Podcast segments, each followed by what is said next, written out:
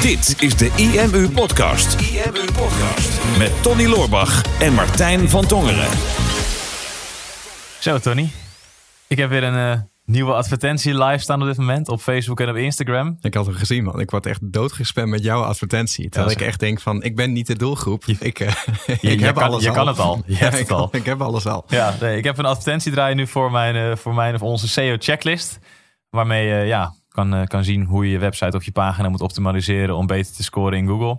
En het blijft toch verbazingwekkend wat voor reacties we daarop krijgen. De mensen die, die zeggen dat, uh, ja, dat een website überhaupt nutteloos is. Dat je dat beter gewoon niet meer kan doen. Eén dat gereageerd, die zei ja, een website heb je toch niet nodig man. Als mensen klant willen worden, dan bellen ze je wel. Ja. Toen dacht ik, ja maar hoe vinden ze je dan? nou ja, dat uh, komt spontaan tot je. Als je s'nachts droomt, dan krijg je ineens een telefoonnummer van het bedrijf waar je uh, klant wil worden. Oh. Zo werkt dat. Ja. Hallo, ik wil graag klant worden. Of je werkt bij Startpagina, hè? want voordat wij het zoeken, hebben zij het, al gevonden. ja, dat heeft ook geen lang leven gehad volgens mij. Nee, klopt. Maar echt gewoon, ja, mensen zeggen ja, SEO is dood. Of uh, ja, als je allemaal bovenaan in Google, als iedereen dit gaat doen, dan zou je allemaal bovenaan in Google staan. We kunnen niet allemaal op de eerste plek staan. Ja, we kunnen niet allemaal op de eerste plek staan. Echt zoveel van dat soort reacties. En mensen die zeggen ja, SEO bestaat niet meer of dat, dat kan niet meer. Maar ik denk, ja, we googelen toch allemaal nog wel. Of in ieder geval volgens mij een heel groot gedeelte van de Nederlanders in België die, eh, die regelmatig googelen. Ja, dat is zo'n zo'n vreemde absurditeit. Hè? Het is eigenlijk, we hebben dat wel vaker gezegd, dat um, op het moment dat jij nog geen ondernemer bent, en je bent gewoon consument, dan kan je, kan je denken als een consument. Hè? Dan kan je op zich logisch nadenken en naar je eigen gedrag kijken. Maar zodra we dan bij de Kamer van Koophandel geweest zijn en ons ingeschreven hebben, dan krijgen we een soort van ondernemersvirus. En dan kunnen we eigenlijk niet meer in gewone woorden duidelijk maken op onze website wat we bedoelen. Dus dan komt het eh, jargon en dan komen de ingewikkelde teksten en, eh, en, en helemaal niet meer wie je bent en wat je nou eigenlijk feitelijk voor iemand doet. En met Google is dat ook zo. Er zijn, horen zoveel ondernemers die constant uh, SEO zien als iets, als iets magisch. Hè? Van, nou, we moeten beter gevonden worden in Google. En als je dan ziet hoe ze aan de slag gaan met SEO, dan, ja, dan heeft dat eigenlijk niks meer met, met logica te maken. Um, en dan krijg je inderdaad ook af en toe leuzen als van ja, we kunnen niet allemaal bovenaan in Google staan. Terwijl ja, weet je, er wordt, elk jaar wordt er op honderden miljoenen verschillende zoekopdrachten gezocht. Uh, dus ja, er zijn heel veel nummer één posities op allerlei verschillende zoekwoorden. En um, uh, net als SEO is dood, hè, dan zou je dat claimen van nou je kan niet meer bovenaan in Google komen of Google werkt niet meer, want tegenwoordig is alles social media. Maar we googelen inderdaad nog steeds elke dag. We zoeken zelf ook dingen. En ja, je hoeft alleen maar naar je eigen zoekgedrag te kijken om te snappen hoe jij daar voor je eigen business op zou moeten inspelen. Ja, dat is denk ik een van de grootste misvattingen ook. Want als mensen dan met zoekmachine optimalisatie aan de slag gaan, dan willen ze meteen op de meest prestigieuze term willen ze dan gevonden worden. Van oh, mijn business gaat over afvallen, mhm. dus ik wil gevonden worden op afvallen. Of mijn business gaat over internetmarketing, dus ik wil gevonden worden op internetmarketing. Of mijn business gaat over uh, voetbalplaatjes, dus ik wil gevonden worden op voetbalplaatjes. Ja. Noem maar iets. Ja, dat is nog wel redelijk specifiek de laatste. Dat is, die was redelijk dus specifiek. Dus jouw argument wat je nu gaat maken een beetje onderuit waarschijnlijk. nou, ik denk dat er best wel veel websites nog zijn die over voetbalplaatjes zouden kunnen gaan. Ja. Maar wat je, wat je vervolgens ziet, is daar op die termen. Dat is eigenlijk waar alle concurrentie zit. Dat is waar alle grote partijen met je gaan concurreren. Um, dat is waar alle websites staan die al twintig jaar misschien, uh, misschien een website hebben. Al een plekje hebben veroverd. En daar is het inderdaad, kan het wat lastiger zijn om inderdaad de nummer één positie te veroveren. Maar wat veel mensen vergeten is dat dat ene woord waar je dan graag zou willen scoren, maar een heel klein stukje is van het zoekgedrag van jouw potentiële bezoeker. Mm Want slechts 30% van de zoekopdrachten in Google, dus maar 30%, is minder dan drie woorden. En dat noemen we short tail. Dus als je één of twee of drie woorden gebruikt in een zoekopdracht, dat is een short tail zoekopdracht. Dat is maar 30% van de zoekopdrachten die daaraan voldoet. 70% van de zoekopdrachten is long tail. Dus dat wil zeggen meer dan drie woorden. Dus wat mensen vaak doen, is dat ze een hele zin intypen in Google. En gewoon bijvoorbeeld dus een vraag stellen of heel specifiek intypen in Google waar ze naar op zoek zijn. En waarom doen ze dat? Omdat Google ondertussen zo slim is geworden dat vaak als je een hele zin intypt, dat Google dan ook meteen met een heel relevant resultaat voor jou uh, op de proppen komt. Ja, klopt. Want dat is. Um, door de jaren heen is dat natuurlijk heel erg ontwikkeld. Hè? Dat, dat Google is uh, gegroeid naar een semantische zoekmachine. Hè? Semantiek, dat staat voor de betekenis van woorden. Google is inmiddels zover dat ze aan een woord kunnen zien wat het betekent. En dat ze daadwerkelijk teksten kunnen lezen en kunnen begrijpen. Sterker nog, in jouw YouTube-video's kunnen ze letterlijk verstaan wat jij zegt. En de ondertiteling kunnen ze namelijk al voor je genereren. Mhm. En daar ook zelfs al uh, rekening mee houden in de, in de zoekresultaten. Terwijl het oude zoekmachine optimalisatie, kijk, ik snap het wel. Kijk, als je als ondernemer aan de slag gaat met, met zoekmachine optimalisatie, of website optimalisatie dan, want die zoekmachine die optimaliseert Google wel. Dat is eigenlijk, heel, eigenlijk een hele, hele rare een hele raar naam voor het vak. Maar um, kijk, dan moet je gaan nadenken van hoe werkt zo'n zoekmachine nou eigenlijk? Hè? De jongens van Google die zijn ooit in een garage gaan zitten programmeren en die hebben besloten van nou, er zijn, uh, zijn uh, miljarden webpagina's op het internet, of toen nog niet, maar inmiddels wel. En op het moment dat iemand ergens op zoekt, dan moeten wij eigenlijk kijken of dat woord ergens voorkomt op al die pagina's. En dan pakken we volgens alle pagina's waar dat woord op voorkomt. En dan gaan we die in een bepaalde rangorde zetten, in een bepaalde volgorde. Want er kan er inderdaad maar één iemand op nummer één staan. En dat is heel statisch. Dan wordt het een rekenmachine. Dus dan ga je kijken naar op welke pagina's komt dit woord voor. Nou, vervolgens heb je er dan, laten we zeggen, 100. Nou, hè, komt er op de ene pagina het woord vaker voor dan op de ander, hè, dan is dat relevanter. En Google kijkt altijd naar de relevantie. Uh, maar ja, stel nou dat er op een gegeven moment nog 10 pagina's overblijven, die zijn allemaal relevant aan dat ene zoekwoord. Dan gaat Google naar andere factoren kijken. Dan Ja, gaan ze bijvoorbeeld. Nou, sorry, je wilde, je Ja, wilde ik inhaken. Ja, Ik denk een andere factor die, die heel belangrijk is in de ogen van Google. En dat is hoe zij zich eigenlijk destijds onderscheiden van alle andere zoekmachines.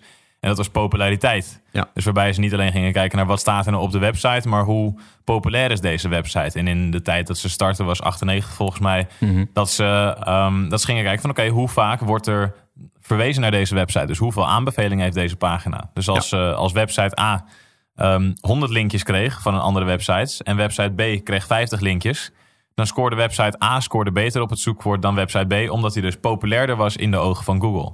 Ja, dat is, dat is eigenlijk ook door eh, de critici altijd bestempeld als het de succesfactor van Google. Hè? Dat de meeste zoekmachines destijds die keken alleen maar naar teksten en naar relevantie van de zoekopdracht aan het stuk content. En eh, de, de oprichters van Google, hè, Larry en Sergey, die waren destijds natuurlijk gewoon student. En die zagen aan de campus dat hè, het gebruik in, in die scene is als jij een, een paper publiceert, dat op het moment dat jij eh, in andere papers van collega's, hè, stel jij bent een professor aan de universiteit en je hebt een stuk gepubliceerd, een paper, en andere professoren gaan naar jou eh, verwijzen vanuit hun papers, dan geeft dat een stukje populariteit, hè, of betrouwbaarheid, erkenning. En zij hebben dat principe, daar hebben ze zich door laten inspireren. En Larry Page heeft daar toen de PageRank voor uitgevonden. En Heel simpelweg in eerste instantie in, als ik een pagina online zet of een website... en er zijn tien andere websites die naar mij toe linken... dan heb ik tien voorstemmen, tien aanbevelingen. En heeft mijn concurrenten maar vijf, hè, dan ben ik populairder. En als wij dan allebei een stuk content hebben wat even relevant is... dan kom ik bovenaan te staan omdat ik populairder ben. Nou, en dat, ehm, die basis van relevantie en populariteit... Ja, die is er nog steeds. Hè? Zo werkt Google nog steeds. Hè? Wat dat betreft, wij horen ook vaak van ja, Google past elke week zijn algoritmes aan en dan moet je weer helemaal opnieuw beginnen. Ik denk, nee, dat is niet zo. Nee, je moet gewoon menselijk nadenken. Je moet het vak SEO moet je eigenlijk vergeten. Je moet nadenken over hoe kan ik de meest relevante zijn en hoe kan ik de meest populaire zijn. En relevantie is veel verder gegaan dan hoe vaak komt één woord voor. Want Google kan dus ook kijken naar de betekenis van jouw teksten. Maar ook naar de betekenis van jouw website in het geheel. Hè. Waar schrijf jij meestal over? Wat is jouw vakgebied? Wat is jouw autoriteit? Ehm, maar Google kijkt bijvoorbeeld ook naar de populariteit van hoeveel links krijg je. Maar hoe kwalitatief zijn die links? Hoe relevant zijn die links? Hoeveel aanbevelingen krijg je vanuit social media? Hoeveel reacties krijg je op je website? Hè? Dat zijn ook allemaal populariteitsindicatoren. Dus de filosofie is nog hetzelfde, alleen de techniek gaat steeds verder. Ja, klopt. En ze zijn eigenlijk toen hun mission statement was: het is onze missie om alle informatie op de wereld, eigenlijk of die op het internet beschikbaar is, zo toegankelijk mogelijk te maken voor iedereen. Ja. En dat was hun doel. En dat vervolgens dus op een goede manier in de zoekresultaten naar voren te laten komen. Dan heb je dus inderdaad de factoren relevantie, de factor populariteit. En er is dan nog een derde factor die tegenwoordig belangrijk is. En dat is eigenlijk de techniek. Ja. Want als je een website hebt die, ehm, ja, die code technisch niet fantastisch in elkaar zit. Dan wordt, zal het uiteindelijk voor Google natuurlijk heel moeilijk worden om die te doorgronden. Want Google blijft een machine. Ze hebben, ja, het, zijn, het zijn servers, het zijn robots die door alle websites heen gaan. Die crawlen dat. Ja. En als een website code technisch heel slecht in elkaar zit, dan kan je nog steeds, dan zou je de meest waardevolle speler op, uh, op jouw gebied kunnen zijn met je website. Maar ja, als Google die tekst niet kan lezen op je website, dan wordt dat een uitdaging. Mhm. Dus dat is eigenlijk een van de belangrijkste factoren om in ieder geval goed te kunnen scoren in Google. Is dat je, dat je website goed te lezen is voor zo'n uh, voor zo'n zoekmachine. Ja, en daar, en daar horen natuurlijk, hè, naast schone code, komen er ook steeds meer technische aspecten. Want toen Google begon, had je bijvoorbeeld nog geen, uh, geen smartphones. Ja. Tegenwoordig is meer, dan, meer dan de helft van het zoekverkeer in Google is, komt via mobiele telefoons. Hè? Dus dan moet je daar ook eens bij stilstaan. Dus dat is, al, dat is al sinds oktober 2016, letterlijk, want toen kwam Google ermee naar buiten. Toen zei ze, het is nu voor het eerst dat er elke maand in Google meer gezocht wordt via mobiele telefoons dan via desktops en grotere schermen. Dus ook Google, Google kijkt daardoor ook naar de mobiele vriendelijkheid van, van jouw website en van jouw code. Van ja, is het ook op een mobiel goed leesbaar, goed schaalbaar? Staan er geen pop-ups in de weg? En ook dat heeft bij de factor techniek natuurlijk meegespeeld. Ja, dan heb je nog de, de nieuwere trends natuurlijk, zoals voice. Ja. Steeds meer mensen gebruiken voice search op een mobiele telefoon. Dus in plaats van dat je nu iets intypt op je mobiele telefoon, kan je nu ook gewoon tegen je telefoon praten. Dus dan zeg je: Oké, Google, waar is het dichtstbijzijnde restaurant? En dan gaat Google tegen jou zeggen: van, Nou, oké, uh, je hebt hier in de buurt heb je drie restaurants waar je naartoe zou kunnen gaan. Mhm. En wat het grappig daarvan is, dat Google dus niet gaat kijken. Um, in de SEO-optimalisatie, als je nu naar een ondernemer toe gaat en zegt: Oké, ga eens je website optimaliseren op restaurant dichtbij. Mhm. Dan, gaat, dan willen, willen ondernemers die dan net met SEO aan de slag gaan, zijn gegaan, die denken: Oké, ik moet zoekwoorden moet ik gaan gebruiken. Dus dan gaan Ja. ze in een, in een titel van hun, rest, van hun website zouden zetten: restaurant dichtbij. En in de omschrijving van hun website restaurant dichtbij. En dan Mhm. twintig keer restaurant dichtbij. Ja, dat is natuurlijk niet hoe het werkt. Want als ik zoek als gebruiker naar restaurants dichtbij, dan wil ik daadwerkelijk restaurants die, die bij mij in de buurt zijn. Dus ondertussen is Google zo slim dat ze snappen wat, het, wat dat betekent, wat die woorden, wat dat is. En dat ze dus ook ondertussen weten wat restaurants hier in de buurt zijn. Mhm. En dat ze vervolgens dus laten zien van oké, Martijn die staat nu op de Herengracht. En dit zijn de restaurants die bij hem in de buurt zijn. Dus het gaat steeds meer om de zoekintentie. Ja. En dat is denk ik een van de belangrijkste dingen. Ook als je een website hebt en je wil die gaan optimaliseren. Is dat je eerst eens gaat stilstaan bij... Oké, voor wie is mijn website? Of voor wie is deze pagina op mijn website eigenlijk bedoeld? Met wat voor vraag kan ik deze bezoeker helpen? En vervolgens ga je daarna pas kijken van... Oké, waar zou ik dan op willen scoren? Of met wat voor vraag zou ik een persoon kunnen helpen... met deze pagina op mijn website? Want als iemand zoekt op ehm, beeldscherm kopen Mhm. dan is de zoekintentie is heel erg duidelijk. Hè? Ik, ik wil een beeldscherm wil ik aanschaffen. Dus wat je vervolgens ziet als je dat intypt in Google... is dat je allemaal webshops zal zien. Want Google weet, meneer heeft zijn creditcard al in de handen... en wil, Ja. eh, wil de webshop Wil gaan kopen, aanschaffen. ja. Maar zoek ik op beeldscherm vergelijken... of zoek ik op wat zijn nou de beste beeldschermen van 2019... Ja. dan krijg, kom ik waarschijnlijk op een blogoverzicht... of op een vergelijkingswebsite... Mhm. waarin verschillende beeldschermen met elkaar worden vergeleken... die op dit moment het meest populair zijn.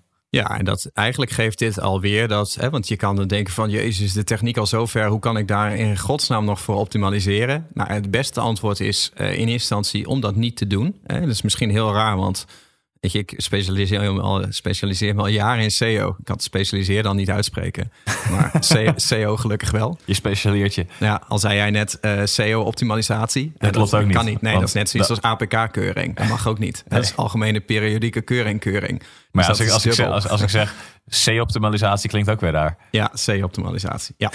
Dus ehm, dat is heel erg ontdekken. Maar, maar weet je, het beste advies wat ik je over het algemeen kan geven, als je er geen verstand van hebt, is, is negeer het vak SEO en kies de menselijkheid. Dus ga gewoon voor, ik wil de beste waarde leveren op mijn website.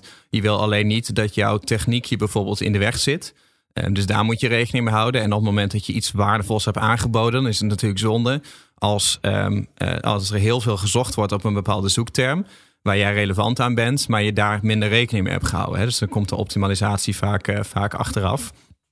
En hieraan zie je eigenlijk al wel dat het, het oude spelletje van SEO, van het denken in zoekwoorden, van ik ga nu naar de Google Keyword Tool toe en dan ga ik zoeken op welke woorden er het meest gezocht wordt. En dan ga ik Mhm. op die woorden ga ik dan mijn content optimaliseren. En dat is hoe SEO voorheen altijd werkte. Ja. Alleen daarmee zit je dus in die 30% vijver. Hè? Want wat jij al zei, maar 30% van alle zoekopdrachten die per jaar in Google worden ingetypt, die bestaan uit één, twee of maximaal drie woorden. En dat is wat de keyword tools jou laten zien. Want die zoekopdrachten die uit vier woorden en langer bestaan, dat is 70% van het totaal. Daar zit de massa. Maar die zinnen die lopen zo uiteen dat je daar geen statistiek over kan geven. Sterker nog, die longtail die groeit ook elk jaar. Ehm, want mensen gaan steeds specifieker zoeken. Hè. Naarmate het internet vordert, gaan we steeds langere zoekopdrachten plaatsen. En daarnaast is 20% van alles wat er per jaar in Google wordt ingetypt, is 100% nieuw. Hè. Dus dat is nog nooit eerder ingetypt. Dus ja, dat wordt niet meer een spelletje van, van woorden zoeken en optimaliseren. Maar het wordt zaak dat je gewoon de meest waardevolle, relevante bron op het internet wordt. Ja, ik vind een mooi voorbeeld daarvan is wat jij in 2010, 2011 had gedaan toen, uh, toen je net startte met, uh, met de website en het winstmodelsysteem wat we toen hadden. Mhm. Is de Facebook button. Iedereen Ja. wilde destijds een Facebook vind ik leuk knop op zijn of haar website. En Mooie wat, tijd was dat. Ja. wat 90% van de ondernemers nou zou doen, die denkt: Oké, ik wil de score op Facebook vind ik leuk knop of Facebook like button. Maar wat jij deed, was jij ging je inleven in de bezoekers.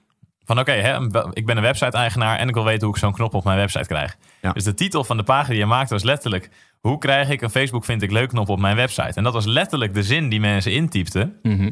En vervolgens kwamen er enorm veel mensen op die pagina terecht. En omdat de mensen op die pagina terecht kwamen en lang op die pagina bleven, want dat houdt Google natuurlijk bij. Hè? Google Mhm. kijkt naar als iemand op een pagina komt en ze gaan er meteen weer af. En dat gebeurt heel erg vaak. Dan zal je ook weer gaan dalen in de zoekmachines. Maar Mhm. als jij als mensen op jouw pagina komen en mensen blijven er heel erg lang op, Mhm. dan gaat Google je daarvoor belonen en ga je dus stijgen in de zoekmachines. Dus wat gebeurde is dat jij ook met de IMU, dat we met de Facebook vind ik leuk knop, de kortere zoekterm, uiteindelijk hoger gingen scoren. Omdat we zoveel relevant verkeer kregen op die hoe krijg ik een Facebook vind ik leuk knop op mijn website Ja. pagina. Klopt. En dat is echt een perfect voorbeeld ervan. Van, van verplaats je eens in de schoenen van zo'n zo'n potentiële bezoeker of een potentiële klant. En wat voor vragen stelt hij zichzelf nou? En wat Ja. voor vragen kan jij een antwoord op geven? Want je alleen maar richt op één zoekwoord, dan, dan beperk je jezelf eigenlijk. En doe je niet alleen jezelf tekort, maar dus ook eigenlijk alle mensen die jij zou kunnen helpen met de kennis die je in huis hebt. Ja, het wordt simpelweg antwoord geven op vragen. Hè? Wat jij zegt, verplaats je in de schoenen van je bezoeker. Nou, daar hebben we een mooi voorbeeld van. die, ik, eh, die ik vaak gebruik. Maar dat is wel een goed voorbeeld om je aan te geven hoe je moet gaan denken. En we gaan je straks nog even een paar praktische tips geven over hoe je hier veel beter op kan, kan inspelen met je website. Maar dit was een voorbeeld van, van een longtail zoekopdracht. Hè? Dus je kijkt gewoon naar je klantenservice. Wat voor vragen stellen mensen mij? Eh, op alle mogelijke manieren kom je in contact met je doelgroep. En je schrijft gewoon letterlijk op wat voor vragen krijg ik. Die vragen schrijf je in hun taal op. En daar geef je antwoord op.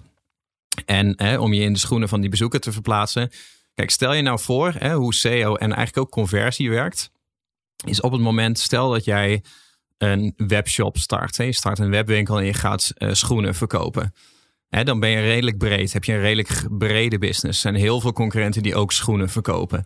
Dus ehm, dan zul je ook een zware concurrentiestrijd aangaan als je in Google gevonden wil worden op het woord schoenen. Dat zal moeilijk zijn. Dat gaat niet op de eerste dag gaat dat lukken. Dat is een short-tail zoekopdracht.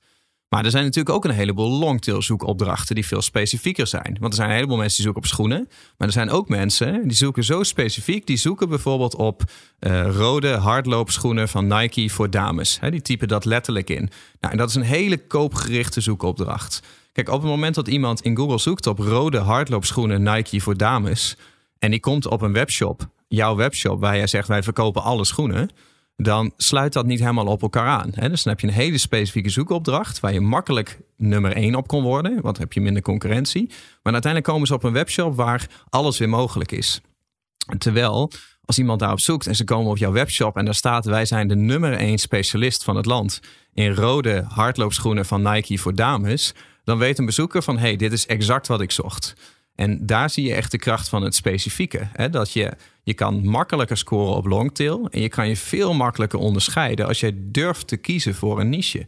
En op het moment dat jij al je energie gaat steken in gevonden worden op het woord schoenen. En als dat dan niet lukt, dat je dan maar gaat adverteren in Google AdWords. Ja, dan zoeken mensen op schoenen. Heel breed, kan van alles zijn. Hè. Kunnen herenschoenen zijn, kunnen dameschoenen zijn, nette schoenen, sportschoenen, kan van alles zijn.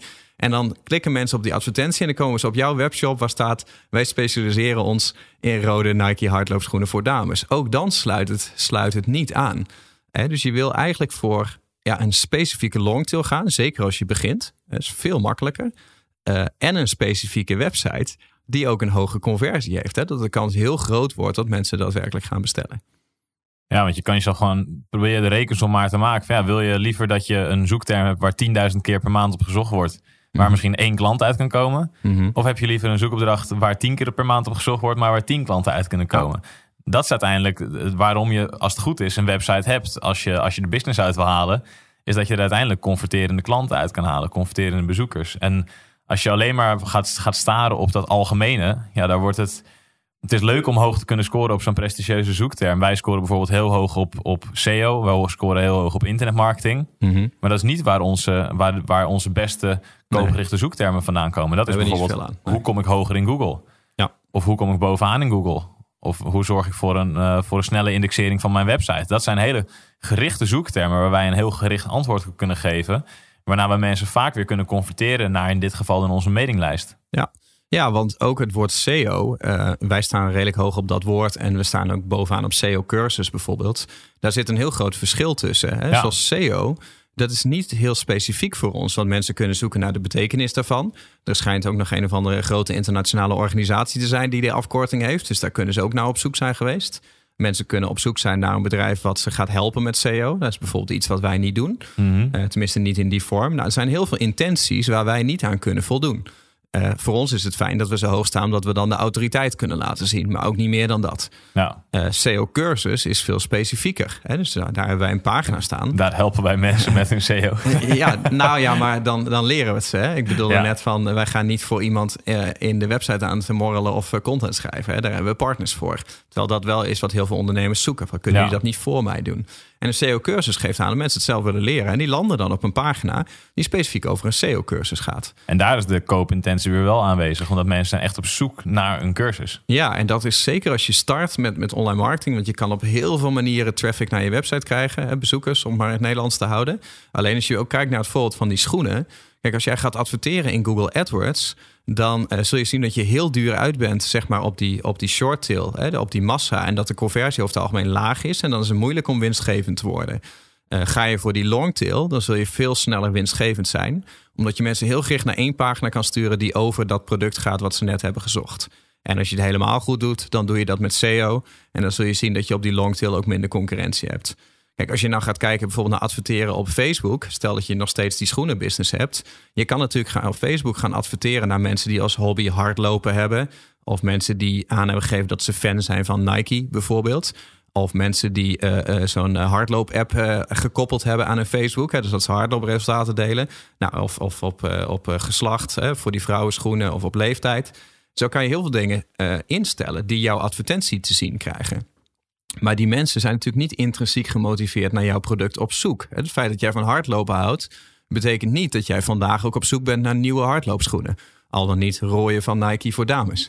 Precies. Dus je wordt, terwijl jij op Facebook zit, word je geïnterrumpeerd met zo'n advertentie. Dat betekent niet dat je geen interesse kan hebben. Je, je klikt wel, je interesse wordt wel gewekt. Maar de conversie zal veel lager zijn dan die vanuit Google omdat jij niet intrinsiek gemotiveerd daarna op zoek was. En met gemiddeld 3000 advertenties die wij per dag zien, anno 2019, ja, zijn we zo verzadigd geraakt voor die advertenties. dat het heel fijn is om daarnaast een extra eh, ja, bezoekersstroom vanuit Google te gaan krijgen. Ja, absoluut. En, en als je ook ziet naar de social media kanalen van de afgelopen jaren, weet je, eh, 2010 of 2008 was Hives natuurlijk het social media kanaal van Nederland. Nou, dat bestaat nu niet eens meer. Eh, afgelopen jaar is het Facebook geweest, maar je ziet nu dat Facebook een klein beetje aan het afnemen is en dat Instagram nu booming is. En ik weet bijna zeker dat over vijf jaar dat Instagram het ook niet meer is, maar dat er iets anders zal zijn. Ja. En de enige vaste waarde van de afgelopen twintig jaar in, in online marketingland als het gaat om het krijgen van bezoekers, is eigenlijk Google geweest. Ja. Ik zeg daarom altijd wel van ja, waar social media komen en gaan, blijft Google altijd staan. En daarom is, vind ik het echt zo belangrijk om tijd en, en moeite te investeren in de SEO van je website. Ja. En als je nu dit verhaal hoort en je weet van oké, ik moet op een aantal zaken wil ik het eigenlijk gaan optimaliseren, is nog wel belangrijker wat ik je wil meegeven, is dat je niet elke pagina op je website voor hetzelfde woord moet gaan optimaliseren. Want dat wil ik ook nog wel eens zien, dat ondernemers gaan starten. En dat ze dan elke webpagina op een website, in ons geval dus bijvoorbeeld zouden gaan optimaliseren op internetmarketing of op SEO-cursus. Nou, als het goed is, is, heeft elke pagina op je website heeft één specifiek doel. En elke pagina op je website, of dat nou een blogartikel of een salespage is of een homepage, wil je daarom ook optimaliseren op één specifieke zoekterm of één specifieke zoekopdracht, als het om een langere zin zou gaan. Ja. En wat ik je daarbij wil meegeven, optimaliseer die één keer. En daar hebben wij een SEO-checklist voor. Die kan je op onze website kan je die downloaden. Die vind je bij het tapje e-books of imu.nl slash SEO-checklist. Gewoon Ja. een schaamteloze zelfpromotie. Maar Ja, dat is gratis. hè. dat is, is gratis, is eigenlijk helemaal geen zelfpromotie. gratis. Ja. 17, eh, 17 tips om één pagina makkelijk te optimaliseren. Maar als je die geoptimaliseerd hebt, dan ben je eigenlijk ook wel klaar met het optimaliseren van die pagina. En wat ik vaak zie is dat ondernemers die denken dan, ja, ik wil hoog scoren op die zoekterm. En dan blijven ze maar tweaken aan een pagina en proberen ze hem weer aan te passen en weer aan te passen in de hoop dat ze ooit bovenaan komen. Mhm. Terwijl Google op een gegeven moment ook ziet, ja, je probeert alleen maar hoog te scoren op deze zoekterm. Dat ze je daar zelfs voor kunnen gaan afstraffen. Ja. Dus wat je beter kan doen is één keer een goede optimalisatieslag maken. Mhm. En dan vervolgens gaan kijken, wat jij in het begin van deze podcast ook zei. Van oké, hoe kan ik nou de meest waardevolle speler in mijn markt worden op dit gebied? Ja. En dat je dan dus beter kan gaan kijken, nou oké, wat kan ik nou nog toevoegen aan mijn website? aan informatie of aan waardevolle content om de meest waardevolle speler te worden. Zodat als iemand zoekt op een zoekterm die gerelateerd is aan mijn topic, dat ik ze ook dan op mijn website kan vangen. En dat ik ze vanaf daar wellicht naar mijn producten toe kan gaan sturen.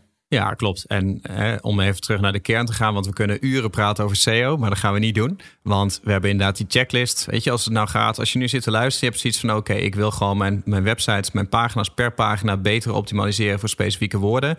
Uh, dan raad ik je die checklist inderdaad aan. Die kan je gewoon uitprinten, op je bureau leggen en optimaliseren. Als je zoiets hebt van, nou, ik ga van SEO echt mijn vak maken de komende tijd, of mijn focus. Hè, dus ik wil content gaan schrijven, content gaan optimaliseren, mijn website goed gaan inrichten qua structuur, eigenlijk de hele hebben en houden. Dan uh, kan je natuurlijk mijn boek Winnen in Google downloaden. Die is gewoon gratis. Of als je echt een stapje verder wil gaan, dan raad ik je aan om gewoon mijn boek Doelgerichte SEO te kopen. Het kost twee tientjes. staat alles in wat je moet weten over SEO om zelf te optimaliseren met praktische WordPress voorbeelden. Dus daar gaan we nu of niet... je Google nog op SEO cursus, dan kan je nog een hele SEO cursus jouw SEO cursus. Ja, die wil je er ook nog even in pluggen. Kan nee, ook nog. Maar daar kan je mee aan de slag. Dus we gaan je niet vermoeien met al die praktische details. Alleen als je nou zoiets hebt van... ik wil eigenlijk wel beter met Google aan de slag... maar dat is niet mijn focus... Ik wil eigenlijk geen SEO-expert zijn. Ik, ik heb geen zin om heel veel zelf te gaan schrijven. Dan zijn er natuurlijk ook mogelijkheden. He, want we hebben natuurlijk al aangegeven dat Google gaat steeds meer kijken naar de semantiek, hè, dus het begrip van de woorden. En uh, voice komt steeds meer op. Hè. Dus nu kun je al aan Google vragen op je telefoon van... hey Google, waar is de dichtstbijzijnde restaurant? Maar je krijgt ook steeds meer van die items in huis zoals een Alexa... Hè, waar je vraagt aan Alexa... hey, zet eens goede muziek voor mij op... of hey, kun jij een restaurant voor mij reserveren? Dat is eigenlijk de Internet of Things, daar gaat het naartoe. En daarvoor is begrip... Uh, heel belangrijk. Nou, dat doet Google allemaal. Daar hoef je zelf niet op te letten. Je moet eens zorgen dat je, dat je waarde gaat geven. En dan kan je in principe, hè, om je twee tips te geven... je kan dat enerzijds doen door letterlijk eigenlijk vragen te gaan beantwoorden. Hè, zoals bijvoorbeeld wij met... hoe krijg ik een Facebook vind ik leuk knop op mijn website... of hoe kom ik hoger in Google? Of hè, dat soort specifieke vragen. Mm -hmm. um, en wij plaatsen die dan zeg maar in een, in een kennisbank hè, op onze website. Een soort van mini-Wikipedia-omgeving. Waar we heel veel van dat soort uh, vragen en antwoord kwijt kunnen. Nou, als je nou zoiets hebt van ik wil dat niet zelf gaan schrijven.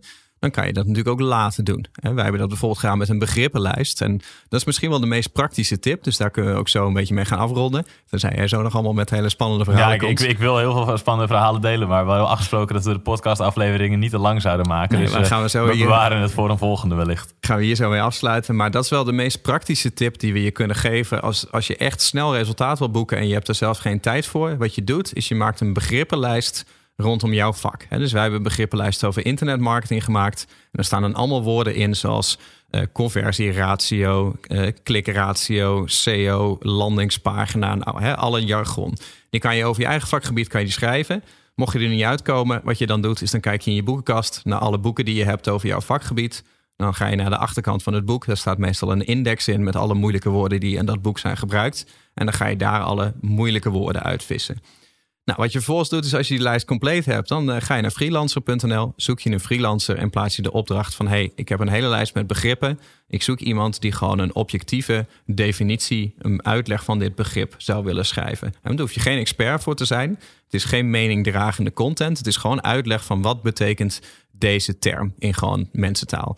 En dat zet je op je website. Hè. Daar maak je gewoon een, een kennisbank van met een begrippenlijst. En wat je dan gaat zien is als je dat doet, dat je heel veel content gaat toevoegen aan je website, wat je niet zelf hoeft te schrijven. Maar dat ook als mensen een vraag gaan stellen in Google, zoals bij, ons bijvoorbeeld, wat is een heatmap? Of wat is een title attribute? Of wat is dit? Of wat is dat? Dat Google het antwoord bovenaan in de resultaten gaat tonen. En dat is een featured snippet, een uitgelicht antwoord. En dat trekt Google meestal uit de website die het meest panklare antwoord biedt op die vraag. En dat zie je met zo'n begrippenlijst dat dat echt super snel gaat. En dat je daardoor ook veel meer kan zorgen voor ja, het begrip voor Google. En dat je ook er meteen al een stuk klaar bent voor de toekomst. Nou ga ik toch nog één kleine tip, Ja. eh, kleine tip eraan toevoegen. Want inderdaad het begrip van die website en vanuit die begrippenlijst is, is een hele, hele goede om toe te voegen. Waardoor je dus inderdaad die antwoorden naar voren ziet komen. En dat het mooie daarvan is dat je dus een soort van autoriteit op jouw vakgebied wordt. En dat Google dat gaat herkennen. En dat daardoor vaak ook andere pagina's op je website beter gaan scoren. Maar één ding wat wij ook hebben toegevoegd binnen onze website is een interne linkstructuur. Ja. Is dat wanneer er een bepaald woord gebruikt wordt op een pagina. En we hebben een artikel. ehm, artikel in onze website staan waar die over dat woord gaat. En dan wordt er automatisch een linkje naartoe gelegd. Dus als wij nu ehm, een pagina, op, een, een blog op onze website hebben bijvoorbeeld, of een artikel, en wij gebruiken het woord heatmap in dat artikel, dan wordt er automatisch een linkje gelegd vanaf het woord heatmap naar het artikel dat gaat over de wat is een heatmap. Dat is echt moeilijk uit te leggen. Ja, dat is heel moeilijk uit te leggen als je er geen beeld bij hebt. Maar ik hoop Ja, dat het op die Het manier duidelijk is. Wikipedia-principe. Het Wikipedia-principe inderdaad. Gewoon als er een pagina is over een bepaald onderwerp en het woord wordt gebruikt, wordt er automatisch naartoe gelinkt. En wat je ziet is dat er een soort spinnenweb ontstaat eigenlijk binnen je website. Waardoor Google ook de structuur van je website gaat snappen. Omdat ze zien van, hey, iedere keer als het woord SEO gebruikt wordt, dan wordt er naar de, het artikel over SEO gelinkt. Iedere keer als het woord heatmap gebruikt wordt, wordt er naar het artikel over heatmap gelinkt. En op die manier Ja. snapt Google de structuur van je website steeds beter. En zodra Google jou de structuur van je website steeds beter begrijpt, ga je ook zien dat de verschillende pagina's in je website beter gaan scoren naarmate er meer content wordt toegevoegd. Ja, je begint er een beetje bij te dansen. Dat is, want jij bent het hier ook non-verbaal aan het uitbeelden. Ik ben het nog gewoon aan het uitbeelden. Het is Maar dat jammer ziet dat er geen natuurlijk beeld bij niemand. is. Ja, ik zit echt kostelijk naar te kijken.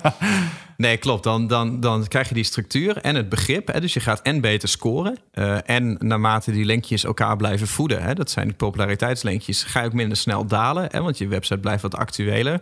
Maar het belangrijkste ook daar nog wel het bijeffect voor de komende jaren is dat als mensen dan straks in de toekomst op iets gaan zoeken wat relevant is aan jouw vakgebied, aan jouw niche, dat Google ook weet van jouw website waar die website over gaat. Google weet bij de IMU van oké, dat is een website, daar staan inmiddels duizend artikelen op. Die zijn allemaal in een spinnenweb met elkaar verbonden. Er zit een hele kennisbank, een hele mini-Wikipedia op het gebied van online marketing. En naarmate dat groeit, krijgt Google meer een beeld van: oké, dit is een autoriteit op het gebied van online marketing hè, en op deze subonderwerpen.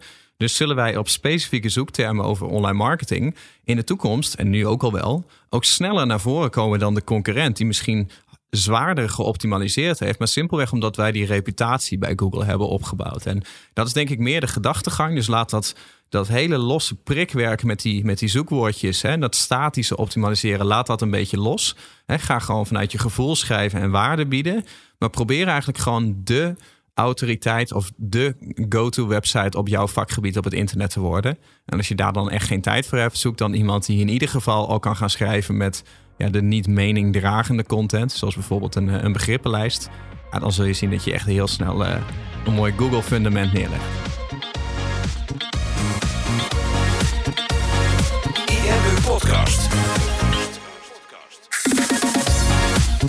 Hey, super tof dat je hebt geluisterd naar deze aflevering van de IMU Podcast. Ik hoop dat je het waardevol vond en ik hoop dat je er inzichten uit hebt kunnen halen voor je online marketingstrategie, voor je business of voor jezelf als ondernemer.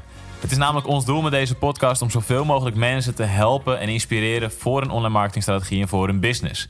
En daarom wil ik je ook vragen of je ons wil helpen om die boodschap te verspreiden. Om andere mensen ook te attenderen op deze podcast. En dat kan je doen door dat bijvoorbeeld te delen in je Instagram story of via je Instagram profiel en dan imu.nl te taggen.